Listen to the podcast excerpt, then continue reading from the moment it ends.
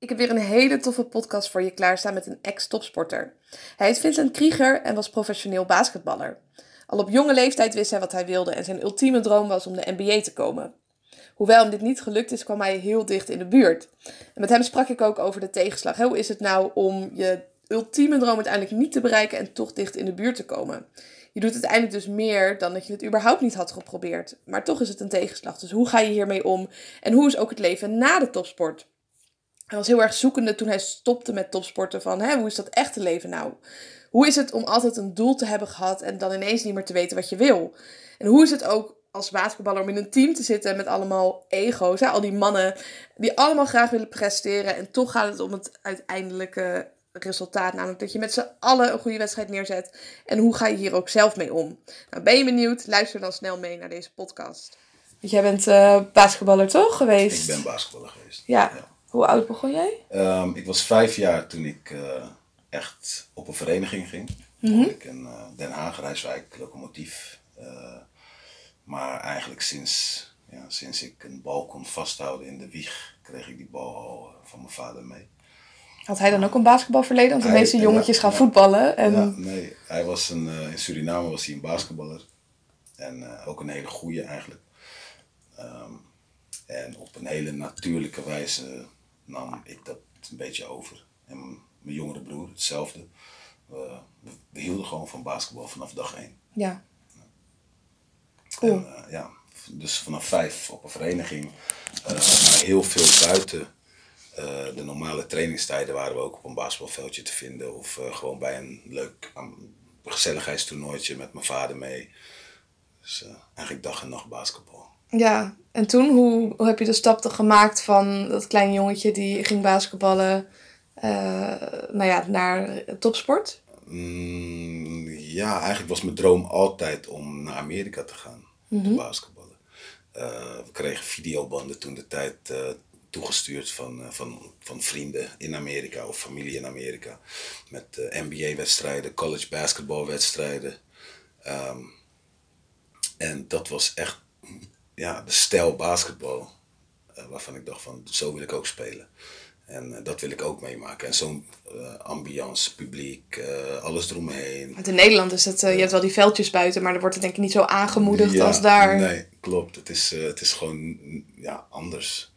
Het is totaal anders, de, be de beleving, ook bij het normale publiek, ook hoe het inderdaad buiten op een veldje wordt gespeeld. Uh, en ik weet nog dat wij een boek hadden, en dat boek heette iets van Street Basketball in New York. En dat vond ik bijna nog stoerder dan het normale basketbal. En dat was met afgeknipte broekjes en afgeknipte shirtjes en, en hoofdbandjes. Ja. ja. Echt dat rauwe. Dat rauwe, dat is, ja. En, en dat is ook hetgene wat mijn vader ons, uh, ons ook een beetje meegaf naast het clubbasketbal. Ja. Dus ik wist al vanaf jong dat, uh, vanaf jongs dat ik dat wilde. Ik wist niet of het zou kunnen, uh, maar ik bleef gewoon basketballen. Mm. En ik wilde gewoon telkens beter worden. En zoals ik al zei, toen ik vijf was, uh, ja, dan, dan, ga je spelen met, met kids die op dat moment zelfs elf jaar waren. Nou, dan ben je gewoon de minste. Dus het was in het begin frustrerend. En dan ben je zeven en dan begin je beter te worden. En negen en dan plotseling ben je weer een van de beste. En dan ga je weer naar de volgende lichting. Uh, leeftijd tot en met 15 geloof ik toen de tijd. En dan begint het weer. En ik begon dat proces begon ik heel erg prettig te vinden. Dus het proces van oké, okay, dit is frustrerend. Nu moet ik keihard knokken. Dat is een tijdje niet leuk. Maar straks ben ik weer een van de betere. Ja. En ik denk dat dat hetgeen is wat mij onbewust heeft gestuurd richting uh, uiteindelijk professioneel basketballen. En weet je nog hoe dat was als klein jongetje? Want als je inderdaad zegt van hé, ik wist gewoon dat op een gegeven moment hoor ik bij een van de beste, maar toen je dat de eerste keer dat proces doorliep, wist je dat nog niet. Uh, hoe was dat toen voor jou? Hoe zette je toen door? Uh, ik zette door ten eerste omdat ik het zo leuk vond om gewoon maar uh, involved te zijn, gewoon betrokken te zijn bij het spelletje, um, in een team te zitten. Um, mijn vader die mij coachte, motiveerde. Mijn moeder bij wie ik niks fout kon doen op het veld. Al had ik nul keer gescoord. Zij zei, ja, volgens mij had je wel drie keer gescoord. Dus, Was dat zo dat ze dat echt nee, dacht? man. of, nee, eh? dat dacht ze niet echt. Ze, ze wou me gewoon goed laten voelen. Maar ik zei, nee, maar kom op. Weet je, zeg dan gewoon, ik heb goed gespeeld. Maar je kan niet iets verzinnen wat niet is gebeurd. Nee. Uh, maar dat deed ze wel. En ze deed echt het best. En nou, volgens mij, volgens mij ging die ene bal er toch in hoor. Als ik, en ze dacht, ik ben vijf en ik heb dat niet door. Maar ja, dat, natuurlijk had ik dat wel door. Maar ik vond het wel lief. En ik, uh, ik, werd, ik, ik werd dus van alle kanten eigenlijk gemotiveerd. En dat is een beetje uh, mijn geluk geweest natuurlijk. Ja. En dat heeft niet iedereen. En ik zat gelukkig ook in een team uh, waar ik echt een paar spelers, die kom ik nog af en toe tegen hier en daar. En die hebben echt voor mij gezorgd. En als ik dan een keer de wedstrijd in mocht, dan rolden ze de bal naar mij. En dan vroegen ze ook echt aan de tegenstanders, kan je, kan je hem heel even laten gaan? En dus ze lieten, ze lieten me wel prettig voelen. Ja. Weet je wel, en dat was niet heel de tijd natuurlijk, maar ze gaven wel aan van, je bent ook belangrijk. Ja, toch dat die tegenstanders daar eigenlijk ook in meegingen. Ja, ja dat, dat gebeurde in het begin, maar ik gooide toch die ballen erin. Ja, toen dachten ze, oh, toen, je kan me dus wat. vanaf dat ik 6 en 7 was, toen zeiden ze van, nee, we laten hem niet meer gaan. Dat uh, gaat niet meer. Ja, ja, dat ze je misschien eerst onderschatten en Ja. uiteindelijk dachten ze van, nou, die moeten we toch wel in de gaten houden. Ja, ja. Ja. En je ging dus al op jonge leeftijd echt op basketbal, of was in het begin vooral buiten? Nou, dus uh, op, toen ik vijf was, ging ik echt op basketbal. Ja. Dus toen was ik echt lid uh, van. Uh, had dus de uitzondering uh, dispensatie moeten aanvragen. Want volgens mij moest je toen zes of zeven zijn. Uh, maar ze zeiden ja, nou, doe maar. Het mag. Daar was ik heel blij mee. En ik was, ik was, ik was gewoon blij dat ik een tenuutje had. Ja, en dat ik om me heen keek en ik had hetzelfde tenuutje als iemand anders. Dat ik ergens bij hoorde. Eigenlijk heel officieel. Dat vond ik heel stoer. En ik, ik, keek ook twee dagen van tevoren keek ik al echt uit naar de wedstrijden. En dan uh, had ik mijn spullen al klaar liggen. Um, ja, dus dat was, dat was mijn beleving eigenlijk. En uh, ik, ik, stond nog helemaal niet bij, uh, ik stond er nog helemaal niet bij stil of ik nou moest, uh, moest trainen of presteren of wat dan ook. Was gewoon, ik wilde het gewoon doen, de hele dag, de hele dag basketballen. Ja, ja je deed gewoon wat je leuk vond Ja. en dat ging je dan daarom makkelijk af. Ja. Ja, en zei ik had die droom om, om in Amerika eventueel te spelen. Ik wist niet of het mogelijk was. Wat heb je gedaan om die droom waar te maken? Um, eigenlijk heb ik er uh, op een gegeven moment niet meer bij stilgestaan en ben ik gewoon gaan kijken naar mijn uh, naar, naar korte termijn doelen. Dus uh, um, nou, ik wil, in dit team wil ik ook een van de beste worden. Ik wil mijn schot verbeteren. Bijvoorbeeld, um, ik, moet beter mijn rechterhand gaan gebruiken tijdens de dribbel. Ik was een linkerhand dribbelaar en een rechterhand schutter. Dus ik, ik zag wel dat ik dingen had om aan te werken. En daar was ik eigenlijk mee bezig. En het resultaat was uiteindelijk dat ik dus uh, ja, beter werd zonder dat ik het door had. En daardoor werden mijn kansen telkens groter. Ja. En op mijn dertiende weet ik dat ik in het uh, team van Rayon West, West-Nederland eigenlijk, selectie uh, kwam.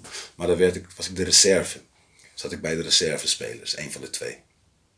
Um, en ik mocht dus niet mee nog naar het toernooi, werd er gezegd. Maar toen viel er iemand af door een blessure en toen mocht ik wel mee.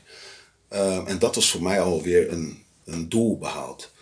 Uh, zonder dat je daar echt wat voor hoefde te doen eigenlijk. Ja, Gewoon tijd geven. Ja, ja, maar ik, ik pakte mijn kans en ik, ik deed het goed. En ik dacht, hé, hey, volgend jaar... Want ik mocht nog twee jaar voor datzelfde team uh, meespelen. En toen dacht ik, volgend jaar moet ik er zeker bij horen. En dan wil ik geen reserve meer zijn. Um, en dat gebeurde ook. Uh, en daarna was eigenlijk het jeugd Nederlands team mijn volgende droom. Uh, was het kadettenteam toen en daarna het juniorenteam.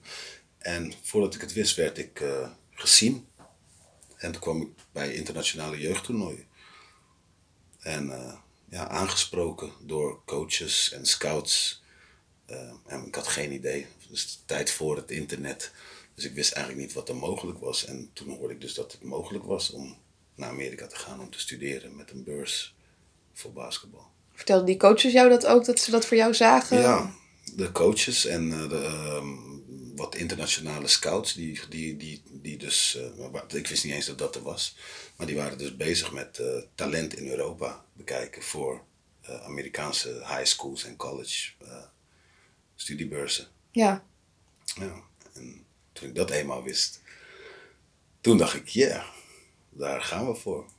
En waar ben je toen naartoe gegaan in Amerika? Ik ben toen naar uh, UNC Asheville, University of North Carolina in Asheville, uh, ben ik naartoe gegaan. Dat leek voor mij de beste keuze. Het was een Division One school. Maar niet uh, zo'n grote school dat ik dacht van nou, daar krijg ik nooit speeltijd misschien. Of niet eens de juiste kans. Want in Amerika is het basketbal volgens mij ook een stuk groter dan hier in Nederland. Zeker, zeker. Het was eigenlijk ook hetzelfde proces. Ik voelde me net alsof ik weer vijf jaar was toen ik daar aankwam. Ik was in één keer van, ja, wat op dat moment was ik een van de betere spelers in Nederland. Van mijn leeftijd. En dan kwam ik in Amerika en was ik weer de minste. Ik was, Hoe oud was je toen in Amerika? Ik was toen 19. Ja. Maar voelde me gewoon weer vijf. En uh, het enige wat, wat, wat, wat ik toen wel wist is van, oh ja, dit is hoe het werkt. Dit is knokken. Alleen dit was wel echt andere koek. Dit was een hele andere manier van, uh, van trainen. Andere, andere mentaliteit. Andere manier van, uh, van concurreren met elkaar zelfs. Wat was er anders? Um, de, de wil van een individuele speler om het te maken daar zo uh, dat was van een hele andere level dan hier. Hier was het veel relaxter en rustig. Joh, nou, ik doe mijn best, maar zo niet, dan niet. Ja, we rollen een balletje wel naar hem, ja, want we gunnen het hem. Ja, ja. Um, ik, uh, ik heb hiernaast ook mijn studie. Uh, en daar was studie een onder... De studie was eigenlijk een middel daar zo. Om je sport te kunnen beoefenen. Dat ja. was je droom. En de studie was je backup. Je backup plan. Uh, en in Nederland uh, ja, was het eigenlijk van, nou ja, basketbal is leuk, maar zorg nog maar dat je je, je cijfers houdt. Want ja. uh, met basketbal ga je niks verdienen. En daar was het echt anders. Ja. Dus ook de, de, de, de, de grimmigheid af en toe op een training. Je kon beste vrienden zijn buiten het veld. En op het veld was het gewoon oorlog. En dat had ik nog nooit op die manier meegemaakt. Het blijft wel een teamsport. Ging dat denk je ook ten koste dan van het team? Um, ja, dat is lastig. Ik, ik, heb, ik heb in teams gezeten in mijn leven waar ik merkte dat hun individuele uh, ja, ideeën, in hun individuele dromen echt in de weg zaten. Uh, voor, uh, van het teamproces, zeg maar. Um, maar bijvoorbeeld in Amerika, in college, hadden we echt spelers die keihard aan het werk waren en echt zelf hun spot wilden pakken, maar toch in teambelang dachten en elkaar beter maakten. Ja. Dus het was een hele gezonde concurrentie, maar op zo'n ja, op zo'n topsportniveau had ik dat nog gewoon nog nooit meegemaakt. Ja, en dan voel je dat ja. ook dat, dat ja, er is. Ja, ja, en het, ja, af en toe gewoon uh, dat je denkt van hé, hey, maar we hebben net nog lekker met elkaar geluncht. Ja, nou, nu zijn we niet aan het lunchen. Nu zijn we, nu zijn we keihard aan het knokken voor onze spot. Want los van het feit dat we willen winnen als team, wil ik speeltijd. Ja.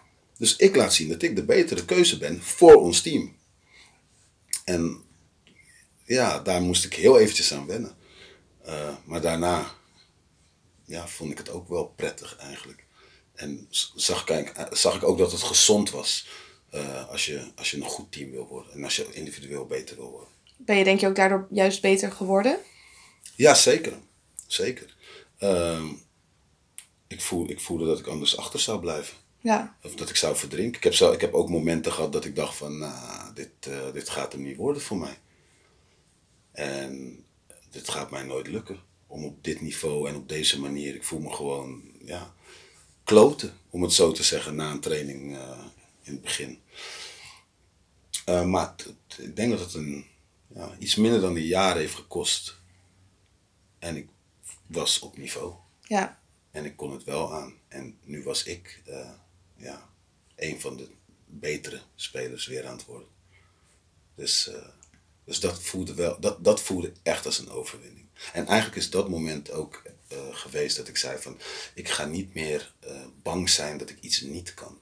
Ja? Als het blijkt uiteindelijk dat het niet lukt, dat is een, andere, een, een ander verhaal. Maar ik ga niet denken dat ik het niet kan. Nee. En waarschijnlijk in het begin kan je het ook niet. Hè? Daarom zit ja. je daar natuurlijk ook om het te leren. Ja. En dan heb je vaak dat stemmetje in je hoofd dat zegt... ja, je bent niet goed genoeg, stop er maar mee... want ja. dan kan je in ieder geval niet falen. Uh, hoe ging je daarmee om? Um, ik, ik, kon het, ik kon het niet accepteren.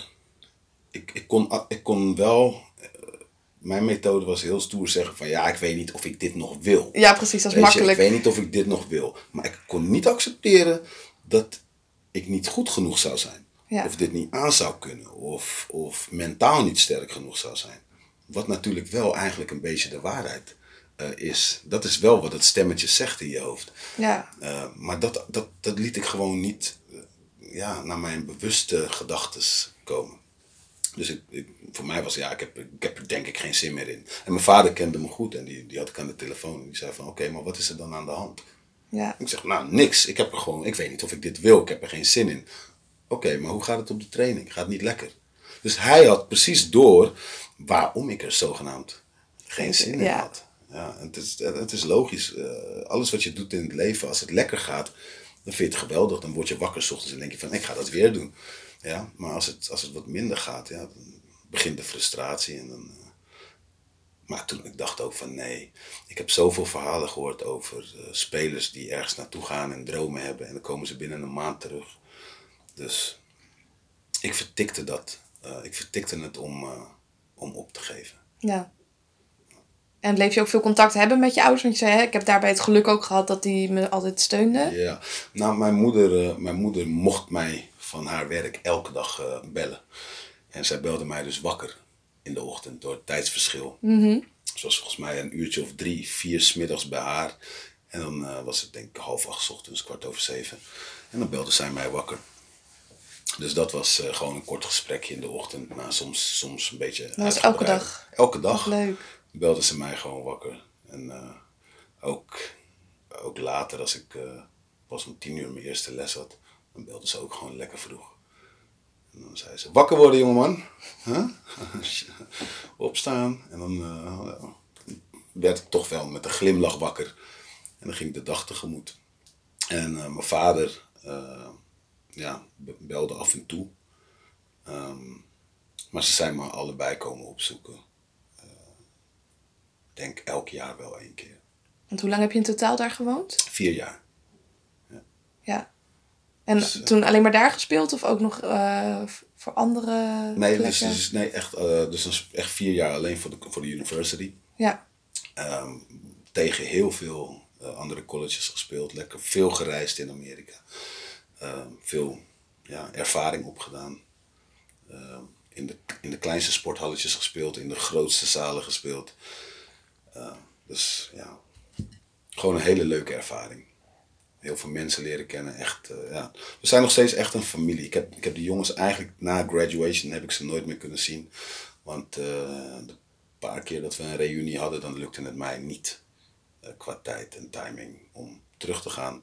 Maar we hebben nog steeds contact via Facebook en Instagram en alles. dan is het internet toch wel een uitkomst. ja, daar zijn we heel blij mee. Ja, snap ik. Ja. En toen na de vier jaar ben je teruggegaan naar Nederland? Na die vier jaar ben ik, eh, had ik de keuze om in Amerika te blijven.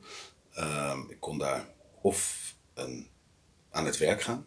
Eh, ik kreeg een baan aangeboden bij de university. Eh, maar ik kreeg ook ehm, een basketbalcontract aangeboden. Niet in de NBA helaas. Dat wilde ik wel heel graag. Maar zo liep het net niet. Maar daaronder was een nieuwe league die uiteindelijk ja, nog steeds bestaat, maar een andere naam heeft gekregen. Ehm, of ik kon naar Europa. En ik koos, eh, ik koos Europa, omdat ik toch iets dichter bij mijn familie en vrienden nu wilde zijn na die vier jaar. En ik heb toen een jaartje in Frankrijk gespeeld, drie jaar in België. Dat vond ik eh, heel prettig, zo dichtbij na al die tijd. Ja. Ehm, een jaartje Spanje, een jaartje Griekenland en toen mijn laatste vijf jaar in Nederland. Ja. En eh, dat, was, dat was mijn basketbalcarrière eigenlijk.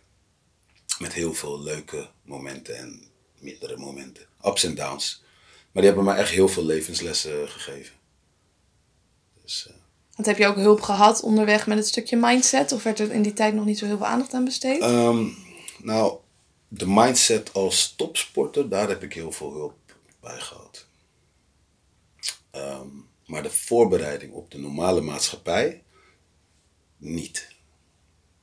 Dat, eh, dat is iets waarvan ik denk van, dat is iets voor topsporters eh, om goed bij stil te staan. Dat straks begint het normale leven. ja.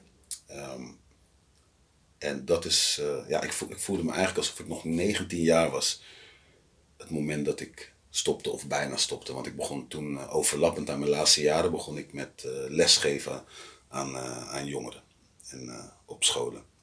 Dus toen begon het echte leven pas eigenlijk. En gewoon nou, iets heel simpels. Je krijgt je, je, krijgt je rekeningen in de brievenbus. Nou, die geef je aan de manager van het team. En alles wordt geregeld. Alle stress wordt bij je weggehaald. Alles wordt geregeld. Je verzekering wordt geregeld. hey, ik, heb, uh, ik ben door mijn enkel gegaan, enkelbanden gescheurd. Nee, het wordt allemaal voor je geregeld. Je ziektekosten, um, belastingaangifte, van, van A tot Z. En je wordt eigenlijk dus een beetje gepamperd. Je wordt gebabied. Ja. En dat is een hele, het is een luxe, want eigenlijk moet jij je ook echt concentreren puur op je sport en presteren en gezond blijven. Uh, en dat, dat is mooi. Maar ja, je, je bent niet ready voor, voor, voor the real society. Ja. Voor, de, voor de, ja, de normale dingen. Voor zelf je planningen maken. Gewoon zoiets simpels als dat. Heb je nooit over na hoeven denken, denk ik. Nee, dit, dit is de planning. Dit, dit is wat wij gaan doen. En daar, daar, daar hou ik mij aan. En alles wat er tussendoor is, als topsporter, dan moet je denken aan je rust, aan hoe je eet. Of je vandaag wel of niet de stad in gaat, want overmorgen heb je een wedstrijd. Gewoon de kleine dingen, die worden eigenlijk automatisch ingevuld door je ja, topsportmentaliteit. Ja, je denkt gewoon, ga ik er beter van spelen, ja of nee? En dan kan je op basis daarvan, dat is je enige graadmeter waar, waar, waarvoor je keuzes moet maken. Inderdaad, inderdaad. En eh, ja, en dan ben je, ben je plotseling vrij. Oké, ga nu maar plannen. Ga nu maar kijken wat je gaat doen. Ja. Wat, wat, zijn je plannen? Wat zijn je doelen? Oh. En wist je wat je doelen waren daarna? Nee, dat wist ik niet. Ik wist dat ik uh, iets met basketbal wilde blijven doen. Ik, ik wist dat ik uh, iets wilde doen waarvan ik gelukkig werd. Ik, wilde dat ik, met, ik wist dat ik met mensen wilde werken. En ik wist dat ik uh, heel veel ervaringen van mij wilde delen. Dat is wat ik wist verder niet. Ja, hoe je dat ging doen. Hoe ik dat ging doen, geen idee. En hoe heb je dat toen aangepakt? Um, ja, zoals een beetje in mijn persoonlijkheid zit. Gewoon doen. Gewoon beginnen. Gewoon, ja. Ik stap gewoon een basketbalveld op en ik begin een balletje te gooien. En dan zie ik wel wat er gebeurt. Uh, en dat is een beetje mijn methode. Is niet altijd goed. Maar voor mij voelde dat als prettig. Van gewoon beginnen te doen. Uh, maar wat gebeurde er? Op een bepaald moment was ik in één keer zeven jaar lang docent op scholen. En dat was niet de bedoeling. Ja, dan was je terechtgekomen door die actie. Ja, dus ik, maar, ik ga gewoon lekker doen wat ik voel. Gewoon lekker, ja. Uh, iemand zegt, ja, met die jongeren zou jij moeten werken. Dan zeg ik, oké, dan ga ik het proberen. Uh, en misschien kan je hier een lesje uh, overnemen. Voordat, voordat ik het wist, had ik een contract getekend. En ik vond het leuk. Ik, hey, ik ben in één keer docent na zeven jaar dacht ik van, jeetje. Toen was ik bezig op drie scholen en dan had ik zo'n stapel toetsen voor de toetsenweek om na te kijken. Alles werd geautomatiseerd, dus alle administratie moest ik online doen. Zelfs het huiswerk moest ik invoeren uh, in een systeem. Um, de presentie moest ik bijhouden in een systeem. Dus ik was eigenlijk alleen maar bezig met dingen die ik niet wilde. Ja. Um, voor een groot deel, laat me het zo zeggen. En ik was te weinig bezig met lesgeven of, of uh, dingen bijbrengen. En ook zelf dingen leren. Want ik leer, wat ik heel erg merkte is, hoe meer ik bezig ben met mensen, hoe meer inzichten ik ook terugkrijg. En uh, toen stopte ik van de een op de andere dag, zei ik, ik stop met uh, lesgeven. Op alle drie scholen in één keer gestopt? Ja, nou bij, bij de ene liep het al een beetje af. Toen zei ik van, ik ga niet verder, want ik ben te druk. Um, dat was gewoon ja, mijn manier om dat uh, even af te sluiten. En dat respecteerden ze. En op de laatste school waar ik les gaf, dat was het Revius Lyceum in Maasluis. En het was ook echt een superleuke school. Maar die deden echt hun best om, om mij te overtuigen om te blijven. En ik wilde het ook echt wel voor de leerlingen en voor de school en voor de organisatie. Het was een topschool. Maar nee, ik werd er niet gelukkig van. Ja, dan loop je jezelf voorbij als je dat zou Ja. blijven doen. Ja. ja. En toen? Toen was je gestopt daarmee? Je en merkte toen dat was was ik niet? gestopt en eh, ja, toen ging ik eh, wel lekker door met losse workshops geven aan, eh, aan jongeren, klassikale workshops, eh basketbalclinics. Ehm, ik eh, begon videootjes te maken, daar was ik al mee begonnen eigenlijk. En werd daar ook plotseling voor betaald. Ik wist niet dat dat ooit een mogelijkheid was. Ehm, ja, en toen merkte ik dat het wel mogelijk was om toch gelukkig te zijn en mijn ding te blijven doen en toch te overleven. Ja. En toen koos ik eigenlijk daarvoor. En eh, nu vooral gericht op eh, werken met jongeren. En eh, die motiveren en ja, begeleiden. En neem je daarin dan ook je eigen levenservaring mee? Ja, zeker, zeker. Ehm, eh, jongeren die mij echt langer kennen, die zeggen ook altijd van... We weten zeker dat wij een vergelijking gaan horen met sport en basketbal. En dat is omdat ik heel erg voel voor mijn leven dat het mij heeft geholpen om dat een beetje te kopiëren en plakken naar de maatschappij. Ja, dat heel veel voor, eh, Ja. ook bruggetjes zitten tussen topsport en eh, het maatschappelijke gedeelte. Ja. Eh, en dan heb ik het over eh, ja, frustratie, eh, omgaan met winst en verlies, omgaan met een team, eh, individueel ontwikkelen, ehm, ja, omgaan met stress, tijdsdruk, eh, obstakels en blessures, om het zo te noemen. Eh, dus ei- ja, eigenlijk van alles ja, is vergelijkbaar met, eh, met de sport. Ja. En om het even heel praktisch te maken, eh, welke tips geef je ze dan bijvoorbeeld mee? Als je iemand hebt die bij je komt en die struggelt. Nou, een, een van de tips, eh, bijvoorbeeld in ba- wat, wat in basketbal echt een les voor mij is geweest, is eh, de next move. Dus je kijkt vooruit. Ehm, het moment dat er iets gebeurt en je vindt het niet leuk, of het nou terecht is of onterecht. Eh, bijvoorbeeld, je gaat naar de basket, jij vindt dat er wat contact was, de scheidsrechter fluit niet. Ehm, op het moment dat ik stop met basketballen en ik schreeuw nu tegen de scheidsrechter, krijg ik één, misschien een technische fout, waardoor het andere team vrije worpen krijgt. Twee, hij reageert niet op mij, maar ik ben niet aan het basketballen meer en mijn man scoort aan de overkant. Ja? Mijn coach begint tegen mij te schreeuwen, omdat ik niet doorspeel. Ik schreeuw terug tegen mijn coach, ik let weer niet op, mijn team raakt gefrustreerd. Het is een sneeuwbal. Domino-effect, Het is een ja. sneeuwbal, ja, een domino-effect. En toch gebeurt het elke wedstrijd meerdere malen. Ja. Meestal met beide teams. En de teams eh, die dat zo min mogelijk doen, eh, heb ik gezien, die zijn het meest succesvol. Oké, ik vind dit niet leuk wat er nu gebeurd is, maar ik ga door. Ja. En waardoor je het houdt bij één, eh, één happening die niet leuk is. Eén situatie. In plaats van dat je het laat escaleren naar vijf of zes. ja, omdat het niet eerlijk is dat je in die frustratie Juist. blijft hangen. En wat ik merk bij jongeren, eh, wat, wat gebeurt er? En mezelf, geen uitzondering. Eh, het gaat uit met je vriendje of vriendinnetje. Nou, ik wil niet naar school daardoor, want ik voel me slecht, ik voel me gefrustreerd. Dus nu heb ik problemen op school. School belt naar mijn ouders. Mijn ouders worden boos op mij. Ik mag niet meer basketballen van mijn ouders, totdat ik mijn schoolcijfers ophaal. Maar die zijn bijna niet meer op te halen, want ik ben te lang niet naar school geweest. Ja, dan heb je er zo'n zootje van gemaakt. Ik ben, nou, mijn- heel mijn wereld stort in. Ja. Ehm, en, en het lijkt dan alsof je geen, geen uitweg hebt.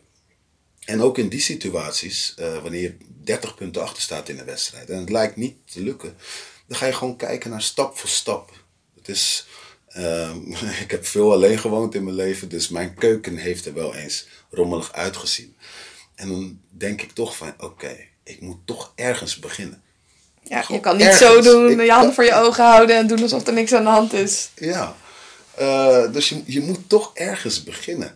En eh, geloof me, na dat begin ziet het er echt niet beter uit allemaal. Maar je bent begonnen Ja.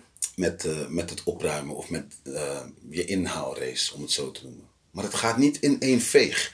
Dat, dat is onmogelijk. Als je dat blijft denken, dan blijf je gefrustreerd en dan lukt het niet. Ja, Dus eh, nou, dat zijn bijvoorbeeld eh, dingen die ik ze meegeef. precies. Dat zijn denk ik dan ook die kleine stemmetjes in je hoofd die je tegenwerken. Die dan zeggen, ja, het heeft toch geen zin meer. En Ja. je kan er net zo goed helemaal mee stoppen. Dan was een slokje koffie. Is hij nog een beetje warm of... eh, Hij is ijskoffie geworden. ijskoffie, maar het is nog steeds lekker. Ja. Nee, maar dus eh, ja, dat, dat is het. Ehm, het lijkt soms uitzichtloos. Maar aan de andere kant eh, lijkt het soms ook alsof je on top of the world bent als je een keer een wedstrijdje goed speelt. Of eh, dat alles even lukt. En dat zorgt er ook weer voor dat je misschien niet meer hard traint of niet meer je best doet op school of ehm, het niet meer serieus neemt, omdat je denkt, ah, het lukt toch wel. ja. En dat is weer een andere, andere valkuil. Dan denk jij, ik ben zo goed, het Ja. gaat allemaal goed. Ja. Dus, dus de focus is eigenlijk op van blijf gewoon doen wat je moet doen en wat het juiste is. En dat gaat echt niet altijd lukken, ook mij niet. Dat, dat lukt mij ook niet. Dat zeg ik ook altijd eerlijk tegen de jongeren. Ik ben niet hier om jullie te vertellen hoe perfect ik ben. Ik zeg alleen wat wel, wel werkt en wat niet werkt. Ja. En voor sommigen moet je dat eh, een beetje individueel aanpassen, want niet iedereen is hetzelfde natuurlijk. Bij de een werkt dit wat meer dan bij de ander. Ehm, maar that's it. Soms, soms lukt het ook even niet. En dat mag ook wel eens. Je mag ook eens een keer eh, zeggen, nou ja, ik heb deze wedstrijd gewoon verprutst. Dat, dat hoort ook een beetje bij het leven. En dat hoort ook bij, bij mens zijn en sporter zijn. ja. Hoe ging jij daarmee om als je een wedstrijd verloor of als het even tegen zat? Ja, ik sliep niet. Ik sliep niet. Ik, ik, ik, kon, ik wilde eigenlijk de volgende wedstrijd alweer spelen, gewoon nu. Ja. En, en ja, de eerste nacht ja, alleen maar piekeren. En er te veel mee zitten, maar dat, dat zat Waar dacht je een dan beetje over na? Ehm, wat ik beter had kunnen doen. En daarna pas wat wij als team beter hadden kunnen doen. Eh, al was het tweede eigenlijk misschien iets belangrijker. Dus ik ben iemand die- zeggen, je neemt dan alle verantwoordelijkheid. ja, misschien, dat zit een beetje in mijn karakter en, en mijn positie spelverdeler. Dus ik kijk heel erg naar wat ik beter had kunnen doen. Als wij winnen, dan denk ik niet dat het door mij komt. Ja. Dan denk ik wel dat het door het team komt. Dus, dus dat zijn Een beetje een mismatch. beetje- in, echt een eh, mismatch. Ja. En een stukje geluk, nam je dat er ook nog in mee in je, Ja, hoe je erover dacht? ja, maar ik ehm, geluk zeker weten. En soms heb je gewoon geluk, soms heb je gewoon pech. Maar ik heb ook geleerd, en dat leerde ik eigenlijk vanaf Amerika. En dan hadden wij een coach die zei: geluk ga je leren afdwingen. Ja. Je gaat ervoor zorgen dat jouw team vaker geluk heeft, omdat je altijd de juiste kleine dingen doet. En dan lijkt het geluk altijd. Ja, dat je net op de goede plek Ja, staat. Maar het is geen. Het is, het is af en toe geluk, maar meestal is het gewoon dat je het juiste doet. Ja. Zo, je hebt geluk dat het laatste schot erin ging. Nou, hij heeft gisteren 500 extra schoten getraind. Dat zie je niet. Ja, dus geluk. Nou, ja, maar hij stond echt goed verdedigd. Ja, we hebben dat getraind met verdediging. Dus, eh, ja, dus geluk, daar, ik hield er niet van om na te denken over geluk en pech. En eh, als je jong bent, dan is het heel makkelijk om de coach de schuld te geven. En de scheidsrechters. Of die ene speler van ons, ja, die ving de bal niet. Ehm, en ik leerde gewoon mijn eigen verantwoordelijkheid ook nemen. En onze verantwoordelijkheid. En ik bijvoorbeeld over een bal niet vangen. Ik had een discussie met eh, mijn jeugdcoaches eh, vaak van ja, maar hij moet gewoon de bal leren vangen. En ik gaf keiharde basis. Maar eh, ja, eigenlijk gewoon hele goede basis. Ja, maar doe toch maar niet. Dat kreeg ik dan vaak te horen. Doe toch maar niet. Wees maar slim. Maar ik, ik kon het nog niet inzien. En toen later begreep ik van dat als ik wist dat hij nog niet zo goed kan vangen, moet ik ook die paas niet zo hard gooien of niet gooien. Ja. Dus dan is het toch mijn verantwoordelijkheid. Ja, zijn verantwoordelijkheid is misschien om beter te leren vangen, maar dat is iets wat niet in één seconde gaat. Ja. Dus, eh, dus ik leerde toch ook wat kritischer naar mezelf kijken. Ja, en niet altijd dan willen laten zien wat je kan misschien. En dan eerder denken in het belang van het team. Ja, ja. Wat is, wat is het juiste? Wat is nu het juiste? En eh, ook, ook de persoonlijke battles. Bijvoorbeeld, eh, toen ik jong was, wilde ik graag de persoonlijke battles ook aangaan binnen de wedstrijd. Dus dan los- bedoel je tegen de tegenstander als Mm. persoonlijke battle? Ja. Ik had twee wedstrijden speelde ik. Eén, mijn team tegen jouw team.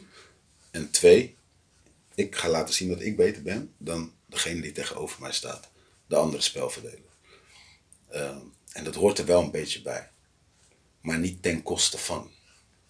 En ging dat het wel in het begin? Uh, vaak niet. Vooral als je, als, je, uh, nou, als, je, als je een betere speler bent op dat moment niet. Maar soms, heb je, soms ben je aan het forceren. Soms heb je je dag niet. Uh, soms heb je een speler tegenover je die beter is. Als nou, je dan gaat nou, battelen, dan uh, dus, dus misschien moeten wij gewoon nu proberen met, met ons team te winnen. In plaats van mijn persoonlijke uh, battles nog te winnen. En, uh, en dat ook in mijn, in mijn professionele carrière merkte ik dat die balans af en toe lastig is. Omdat als topsporter heb je toch een ego. Ja? En er zitten mensen in het publiek te kijken en er zijn journalisten en uh, de coach en je teamgenoten. Dat zijn ook allemaal dus, ego's denk ik van de teamgenoten. Ja, ja, ja. dus het is uh, af en toe is het is gewoon af en toe lastig goochelen. Maar als je het eenmaal leert, als je de formule een beetje doorkrijgt, dat gevoel dan wordt het, uh, wordt het heel leuk. En je zei, hè, qua mindset kreeg je ook wel begeleiding daarin. Uh, hoe deden ze dat bijvoorbeeld? Um, nou, overal waar ik speelde hadden we assistentcoaches. En die, gingen, die, hadden, die hadden meer de tijd om met jou individueel over bepaalde situaties uh, uh, te gaan praten. Over, over waarom dit of waarom dat. Of waarom ik uh, wat harder moet zijn hierin en wat eh, of geen waarde moet hechten aan iets anders. En in het begin wil je dat allemaal niet horen, omdat zelfs als je 19 bent, denk je dat je alles weet. Uh, maar vervolgens, ja, je leert gaandeweg, leer je anders denken over dingen. Ja. En je leert uh, dat alles wat jij dacht dat belangrijk was, is niet per se belangrijk uiteindelijk in het echt. Ja, als je naar het grotere plaatje kijkt. Ja, ja. En dat is, uh, dat is in het begin even lastig. Maar daar, daar werd ik wel goed mee geholpen. En, en, en, en soms op een, vaak op een positieve manier. En soms ook gewoon keihard, topsporten. Weet je, dan, dan was er geen ruimte voor uh, ja, een lief gesprek, om het zo te noemen. Dan werd je gedwongen om maar zus en zo en zo. En dan zie je wel in ja. dat het dat ze gelijk hebben. En kan, kan je daar een voorbeeld van noemen hoe dat werd gedaan? Um, bijvoorbeeld, ik, uh, ik, wil, ik wil mezelf in de kijker spelen. Uh, en het gaat, het gaat lekker. En ik scoorde best wel wat, uh, een paar wedstrijden achter elkaar. En de volgende wedstrijd ja, was ik een beetje aan het forceren. Maar naar mijn gevoel speelde ik gewoon hetzelfde als de andere wedstrijden. Alleen nu miste ik gewoon wat meer. Ja? En de coach zei, of een van de assistentcoaches zei van... Hey Vince, you're forcing, you're really forcing right now. You're not thinking about the team. En voor mij, de discussie later was... Uh, ik wil mezelf laten zien. Ik hoop dat ik naar de NBA ga. Uh, en dat doe ik op deze manier. En hij zei, nee, wat jij nu doet... is juist laten zien dat jij niet naar de NBA gaat op deze manier. Jij laat zien dat jij niet uh, uh, je cool kan houden uh, en kan nadenken in het belang van het team. En dat je kan aanvoelen wanneer het jouw wedstrijd is om te scoren en wanneer het jouw wedstrijd niet is om te scoren. Ja, dat je je aanpast aan de situatie. Ja, ja. En, en, maar dat, voor mij was het zo van, een wedstrijd is een wedstrijd. Maar dus die, die, die state of mind, dat je, dat, je, dat je leert aanvoelen en dat je leert dat andere dingen belangrijk zijn dan alleen scoren maar dat jij een goede basketballer moet zijn. En dat, dat, ja, maar de fans, die kijken naar mij en die zeggen: Ik heb 20 punten gescoord, dus ik ben de beste. En de fans kijken vandaag en die zeggen: Ik heb maar 8 punten gescoord. Dus het ging niet zo lekker. Ja. En hij zei: Maar zijn de fans nou de kenners? Of niet? Nee, inderdaad. De fans zijn niet de basketbalkenners. Hechtte je vroeger dan ook meer waarde aan de fans? Ja, ik, ik, vond het wel belangrijk dat mensen vonden dat ik goed, goed had gespeeld. Uh, maar je moet niet iemand pleasen die alleen maar let op de verkeerde dingen. Snap je? Kijk, uh, als je het hebt over muziek. Ja? Als jij weet dat jij een heel mooi muziekstuk speelt, en iemand in het publiek zegt, ja, maar ik wil uh, boom, boom, boom, dat ja, horen. Dus, hardcore dus, en jij dus, speelt klassiek. Dus jij kan geen muziek spelen. Daar moet je geen waarde aan hechten. Omdat wij hebben het over twee andere dingen die jij belangrijk vindt. Snap je? Eh, en wat is afgesproken met jouw team, wat goed basketbal is, hoeft niet jouw mattie in het publiek of jouw eh, vriendinnetje, je verkeringje, hoeft niet, zij hoeven niet blij te worden ervan. Ja. Wij als team moeten blij zijn en de kenners moeten zien van dat is geniaal. En toen werd ik eh, ehm, in de conference de nummer 1 assist man. Dus degene die de passes gaf in plaats van scoren. En dat bleek in één keer heel interessant te zijn voor de scouts en de coaches. Dat kan je ook meten. Van hè, Ja. zoveel procent van de passes die ik geef zorgen voor eh, punten. En dat, eh, en ik dacht nooit dat dat zo belangrijk was, maar dat was het. Dus dat is, eh, ja, dat was mijn ding. En ik denk dat mijn mentaliteit nog steeds zo is. Dat ik, ik, ik hoef niet de scorer te zijn in wat ik ook doe in mijn leven. Ik vind het wel prettig, maar ik vind het ook leuk om de paas te geven. Ja, die anderen te helpen. En eh, ja. Want je vertelde ook even van, hè, in het begin vond ik het ook lastig om met die negativiteit om te gaan. En daar lag ik dan ook echt s'nachts wakker van. Ehm dan weet ik dat er een heleboel luisteraars ook van de podcast last hebben van piekeren en omgaan met negativiteit. Wat heeft jou daarin geholpen om dat meer los te kunnen laten? Ehm, wat mij hielp is eh, ehm, simpelweg ja, toch vooruitkijken. En accepteren dat het een onderdeel is van, eh, van een groter geheel. En dat het maar één wedstrijd is. Al is het een kampioenschapswedstrijd. Die je of wint of verliest. Het is nog steeds maar één wedstrijd. En er komen nog vele wedstrijden. En het is veel beter om, om ehm, eh, ja, toch te leren van wat er gebeurd is. En vooruit te kijken. Dan ja, het niet kunnen accepteren van wat er gebeurd is. En ja, dat, dat is eigenlijk hetgene eh, wat mij hielp. Wat moet ik nu doen? Die next move. Ja. Dus kijk niet te veel terug. Eventjes kijken van wat had ik anders kunnen doen, maar blijf er niet in hangen. Ja. En eh, ik heb me ook geleerd om, eh, om me niet druk te maken over dingen die ik, waar ik geen invloed op heb. Dus eh, ja, dat, dat is het eigenlijk voor mij. Dat is mijn, mijn methode. En af en toe werkt het wat minder. Dus af en toe werkt het wat meer. Ja. En wat voor dingen maakte je dan vroeger druk in de wedstrijd? Waar je geen invloed op had? Ehm, bijvoorbeeld een blessure. Een blessure. Je, je, zet, je zet een beetje aan en eh, je verrekt een hamstring. Ja, nou, nou heb je een blessure. Nu ga je minder spelen of misschien kan je helemaal niet meer spelen.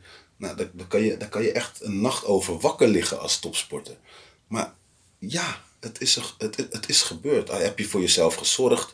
Ben je op tijd naar bed gegaan? Heb je goed gegeten? Ja, dat heb ik allemaal gedaan. Oké, dan accepteer ik het dan is het gebeurd. Dan ga ik nu wel kijken wat ik kan doen om het niet meer te laten gebeuren of niet zo snel te laten gebeuren.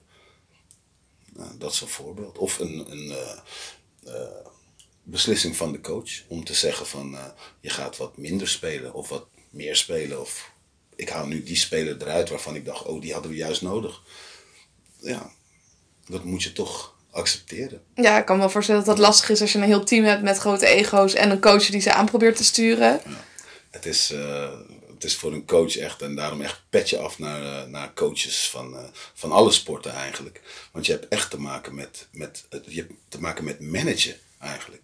Het managen van een hele gedachte en van wat er gebeurt. En ja, iets mechanisch, bij wijze van spreken. En als je ook maar één dingetje verandert aan de formule, komt er een hele andere uitkomst. En daarmee spelen en goochelen eigenlijk. Dus ja, dat is lastig. Ja, en is dat ook nu wat jij een beetje doet met die jongeren? Dat je ze op die manier probeert te managen? Ja, ja. En ehm, ja, een van de dingen is dus dat ik ook accepteer dat ik soms denk dat ik het antwoord weet, maar dat het soms iets heel anders is. Of dat het eh, ja, echt aangepast moet worden. Of dat alles wat honderd keer heeft gewerkt bij deze persoon niet werkt. Terwijl alle andere elementen kloppen. Alle andere factoren zouden mij vertellen van het gaat ook werken bij jou en nu niet. Nou, wat nu? Ja.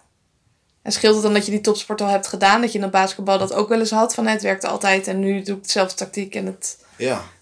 En dan ga je toch, dan, dan moet je, ja, eh, toen ik jong was, bleef ik forceren en proberen. Nee, het moet en zal zo en zo en zo. Maar soms moet je ook gewoon zeggen, nee, nu niet. Dus jammer. Ik had het fout. Ja, Dat mag ook. Ik had het fout. En eh, we gaan een andere weg zoeken. ja. En hoe vinden de jongeren het van jou dat jij die ervaring hebt en die topsportmentaliteit? Ja, ze vinden het wel bijzonder. Ik heb, ehm, eh, ik heb ook jongeren af en toe eh, die niet direct van mijn sportverleden weten. Maar ze vinden het wel heel interessant. En ze- begrijpen nog niet altijd meteen die, die link naar, de normale, ja, naar het normale leven. Eh, maar ze staan wel meer open om naar je te luisteren. Door die achtergrond. Ja, dan weten ze wat voor weg je hebt afgelegd en eh, kijken ze toch wel anders naar je. Ja. En voor jou persoonlijk, je zei van ja, toen ik terugkwam van, van de topsport, wist ik eigenlijk niet zo goed welke doelen en dromen er nog lagen. Heb je daar nu wel meer zicht op? Ja, ehm, ietsjes. Eh, maar in ieder geval, ik wil blijven werken met jongeren. En ik wil eh, lekker blijven combineren. Ik wil blijven hosten en entertainen, want dat is iets wat ik niet heb gezegd. Maar dat doe ik eh, bij 3 tegen 3 basketbal en bij urban sport evenementjes.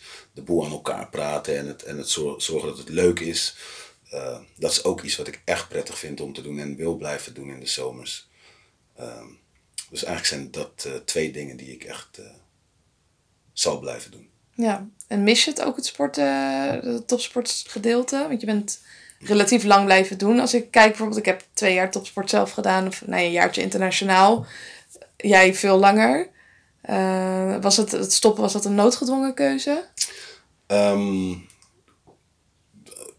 ik zeg van wel. Ik had eh, toevallig een hamstringblessure het jaar daarvoor. En het bleef maar een beetje zeuren en terugkomen. Eh, had ik door kunnen gaan? Ja.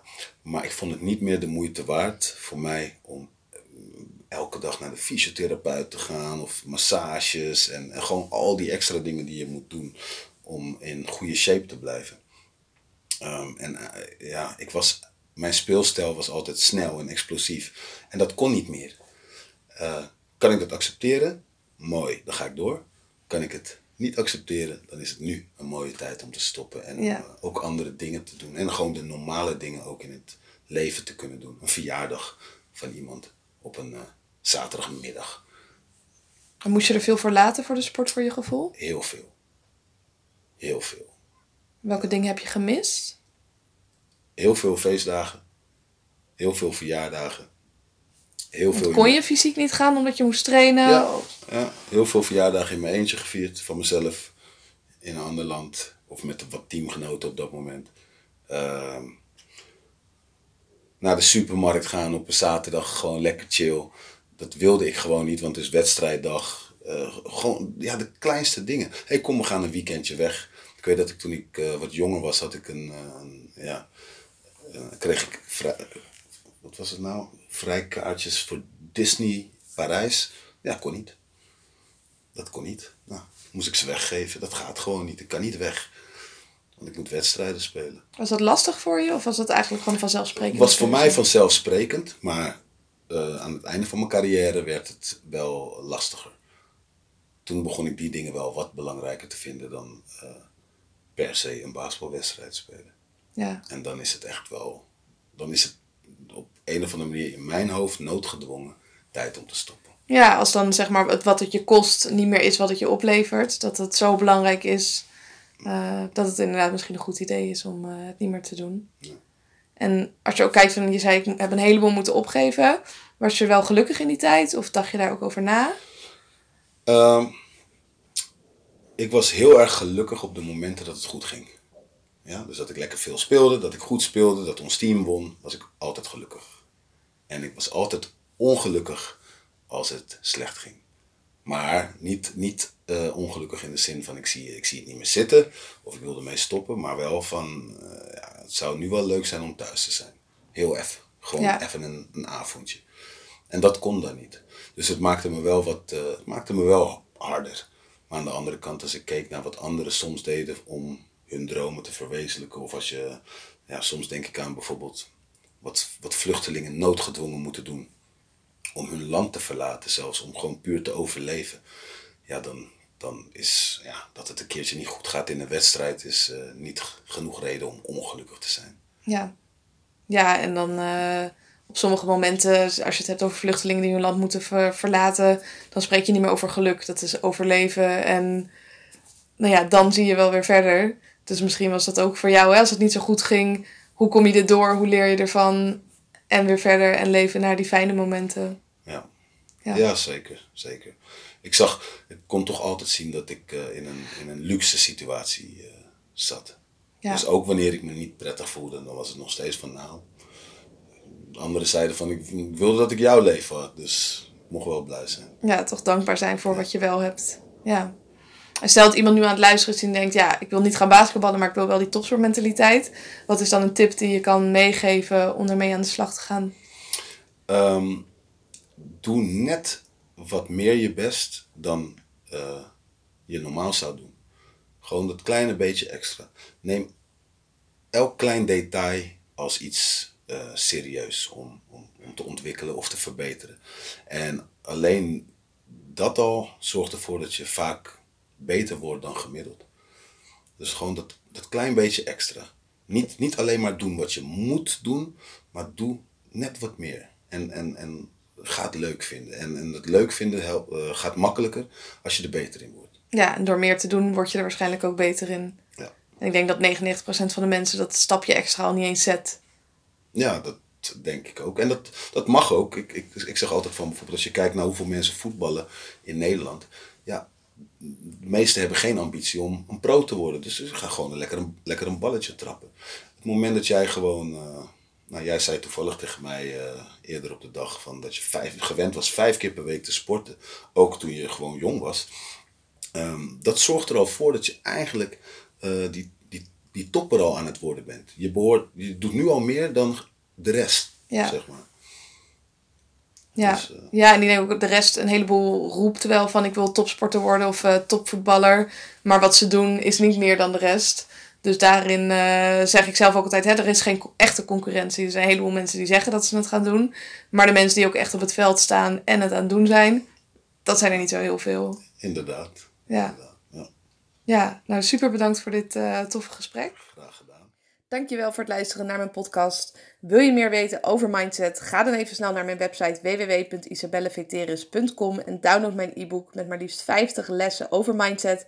Of volg me even op Instagram, @isabelleveteris.